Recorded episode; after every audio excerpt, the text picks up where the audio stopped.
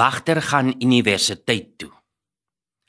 Hierdie storie speel hom af lank voor TV, toe koerante oud en vervissend chips gebruik was en toe die platte land nog net kort golfradio gehad het wat kraak en kwetter en suis. Nis was dus maar skraps en meestal op hoorsê aangewys. Oom Isak, al oor die 20 jaar 'n weewenaar, was 'n gesiene man en boer van sy omgewing. Op 65 nog skiets en energiek, fiks en gesond en met 'n lus vir die lewe, woel en werskaf wat die toeskouers moeg gemaak het.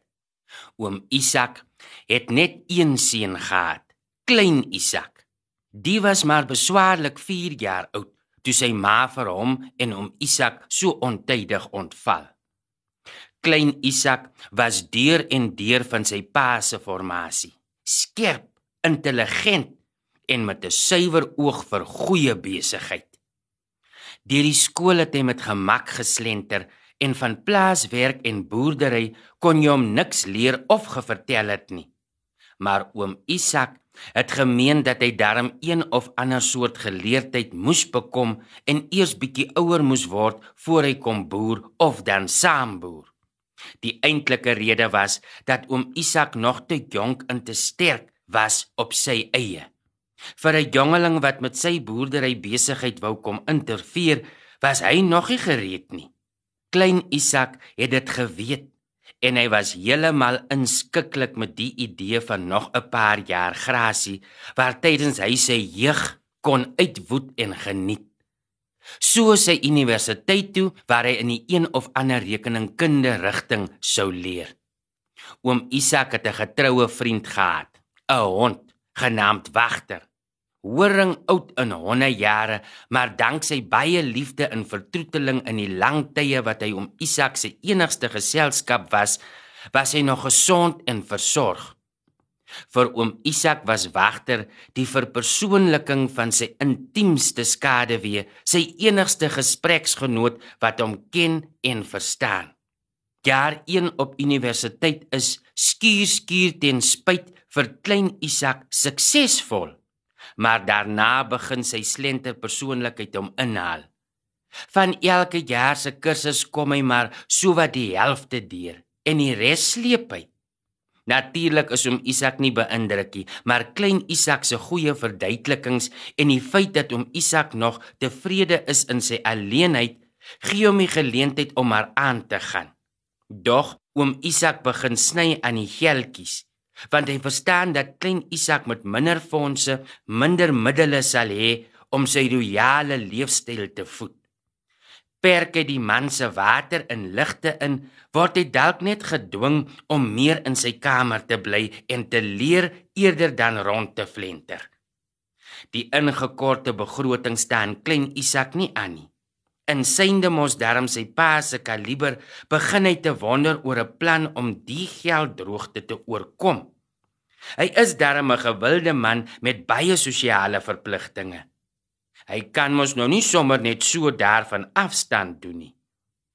Al hoe meer begin hy dus vir oom Isak van die tegnologiese en wetenskaplike deurbrake te vertel wat daar dan nou deesdae aan universiteite behaal word. Meer en meer vertel hy hoe die wetenskaplikes en navorsers dolfyne, walvisse en ape se geleide begin verstaan en hoe hulle deur nabootsing met die soort van diere kommunikeer. Hy maak die pap dik aan en lieg natuurlik ook heelwat by en dit neem dus nie lank nie. Een aand gedurende 'n universiteitsvakansie met wagter langsom spreek oom Isak in 'n oomblik van intense alleenheid streelend oor die hond se kop tydens die geselskap die versigtiging uit dat dit darm wonderlik sou gewees het as wagter kon praat. Die gedagte dat hy en sy ou vriend met mekaar hardop sou kon gesels. Dit sou darm nou regtig vir hom die spreekwoordelike cherry op die koek wees. Klein Isak stookie vuur nog 'n bietjie verder, toe hy seker is hy pad in die droom ingekoop. En toe los hy die saak daar.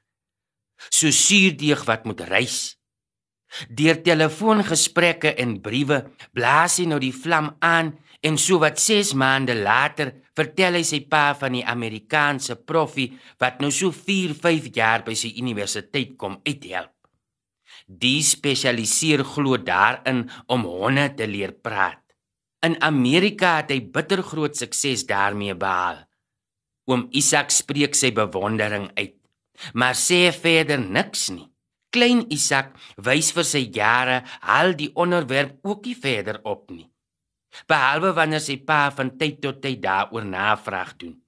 Dan vertel hy sonder uitsondering soos iemand in die voorste sitplekke van die kruit in detail vir sy pa presies watter hond naam en nommer tans daar geleer word en presies hoe elkeen vorder. Deurgangs is dit natuurlik net suksesstories terwyl oom Isak met 'n glinstering in die oog aan sy lippe hang. So 2 dae voor die nuwe studiejaar vir klein Isak aanbreek, kondig oom Isak aan dat sy seun verwagter moet saamvat. Klein Isak moet vir wagter by die universiteit gaan inskryf sodat wagter kan leer praat. Klein Isak ooreageer eintlik oor dat wagter al so oud is. Die kursus is duur en wagter sal spesiale huisvesting moet kry wat ook geld kos. Gegeewe al die feite, is dit dalk nie so 'n goeie belegging nie. Maar oom Isak is vasberade. Wagter het vir hom nog net goeie diens gelewer. Wagter is sy troue, eintlik sy enigste vriend. Wagter verdien so 'n geleentheid en daar is meer as genoeg geld.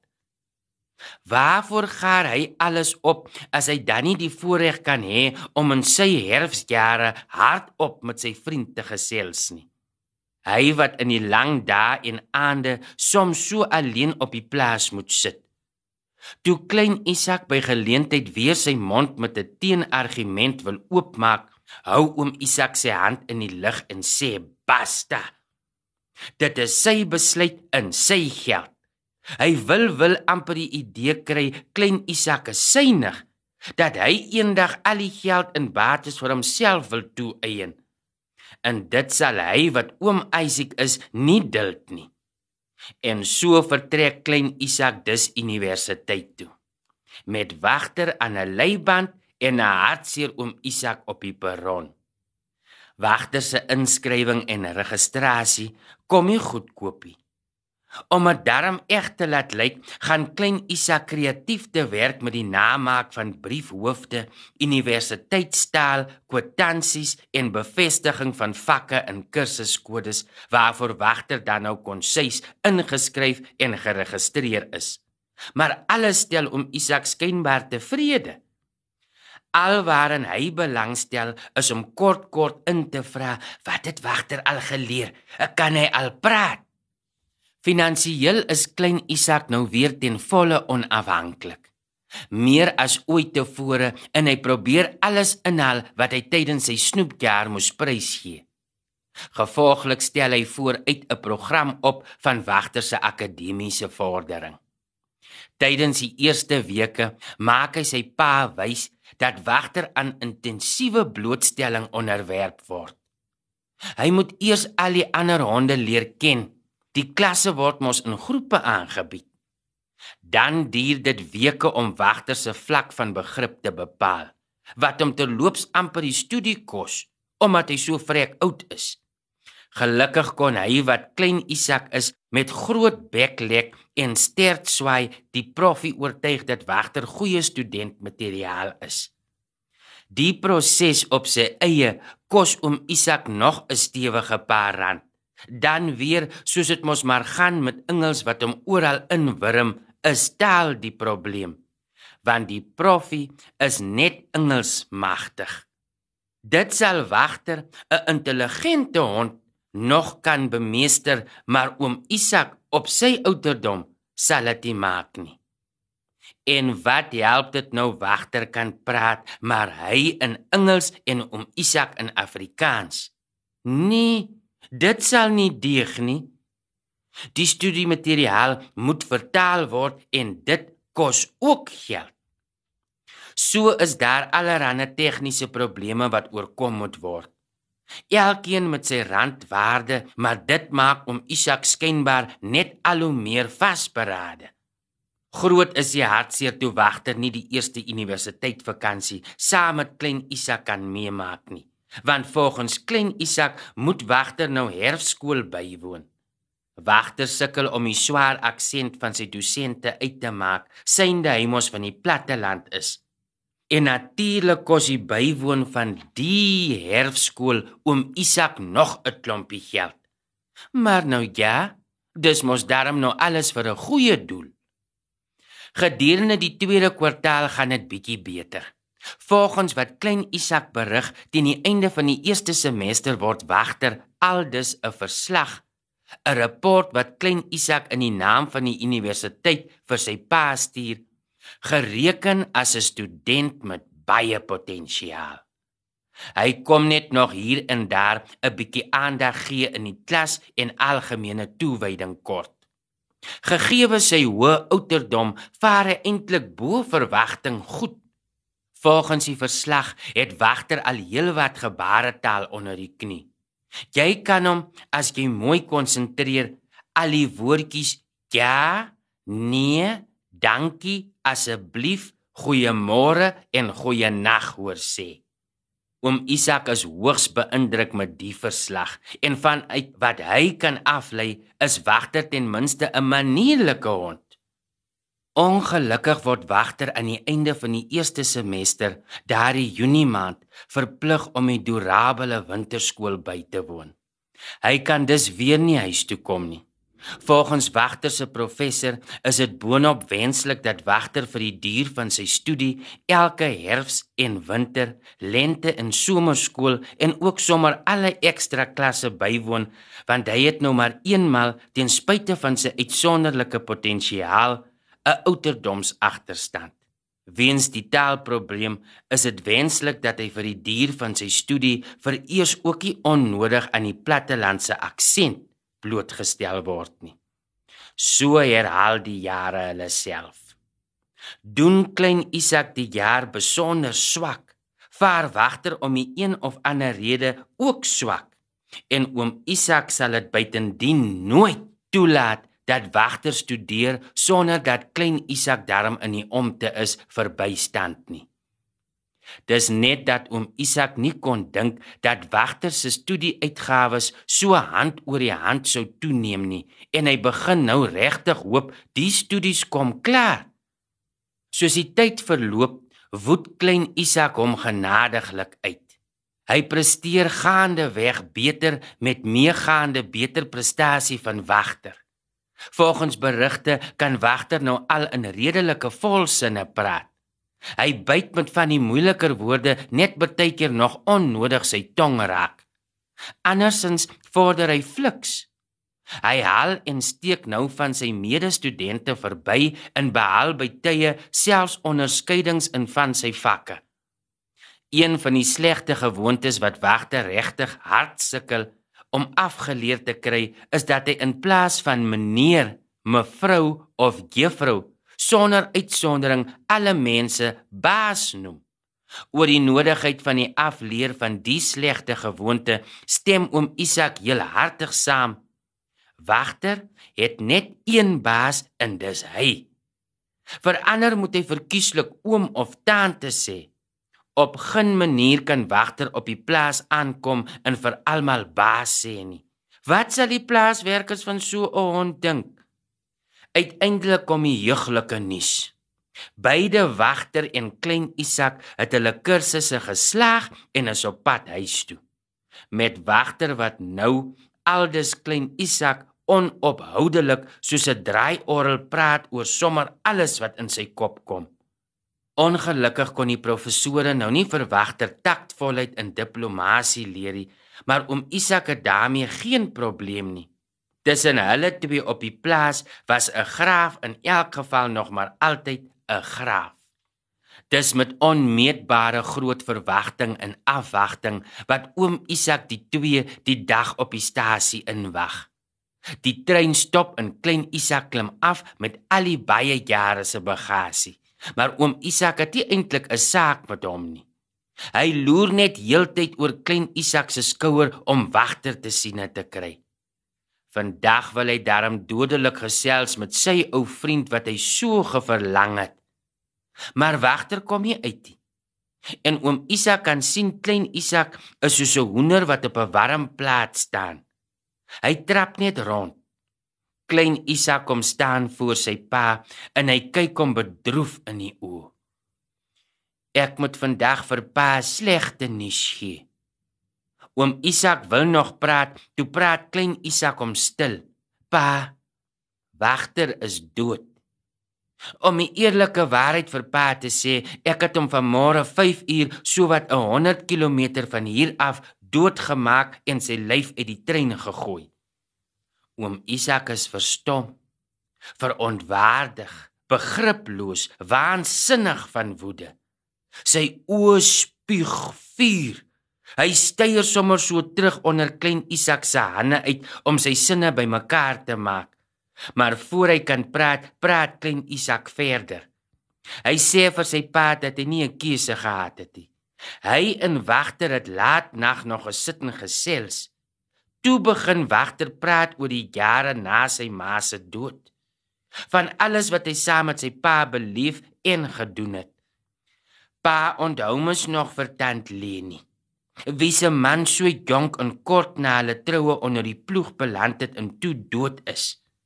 Wel, wagter het vertel julle twee het vir tant Leni baie goed in haar droefheid bygestaan en daarna vir etlike jare nog selfs 'n jaar of twee nadat oom Koos Blikoor met haar getroud is.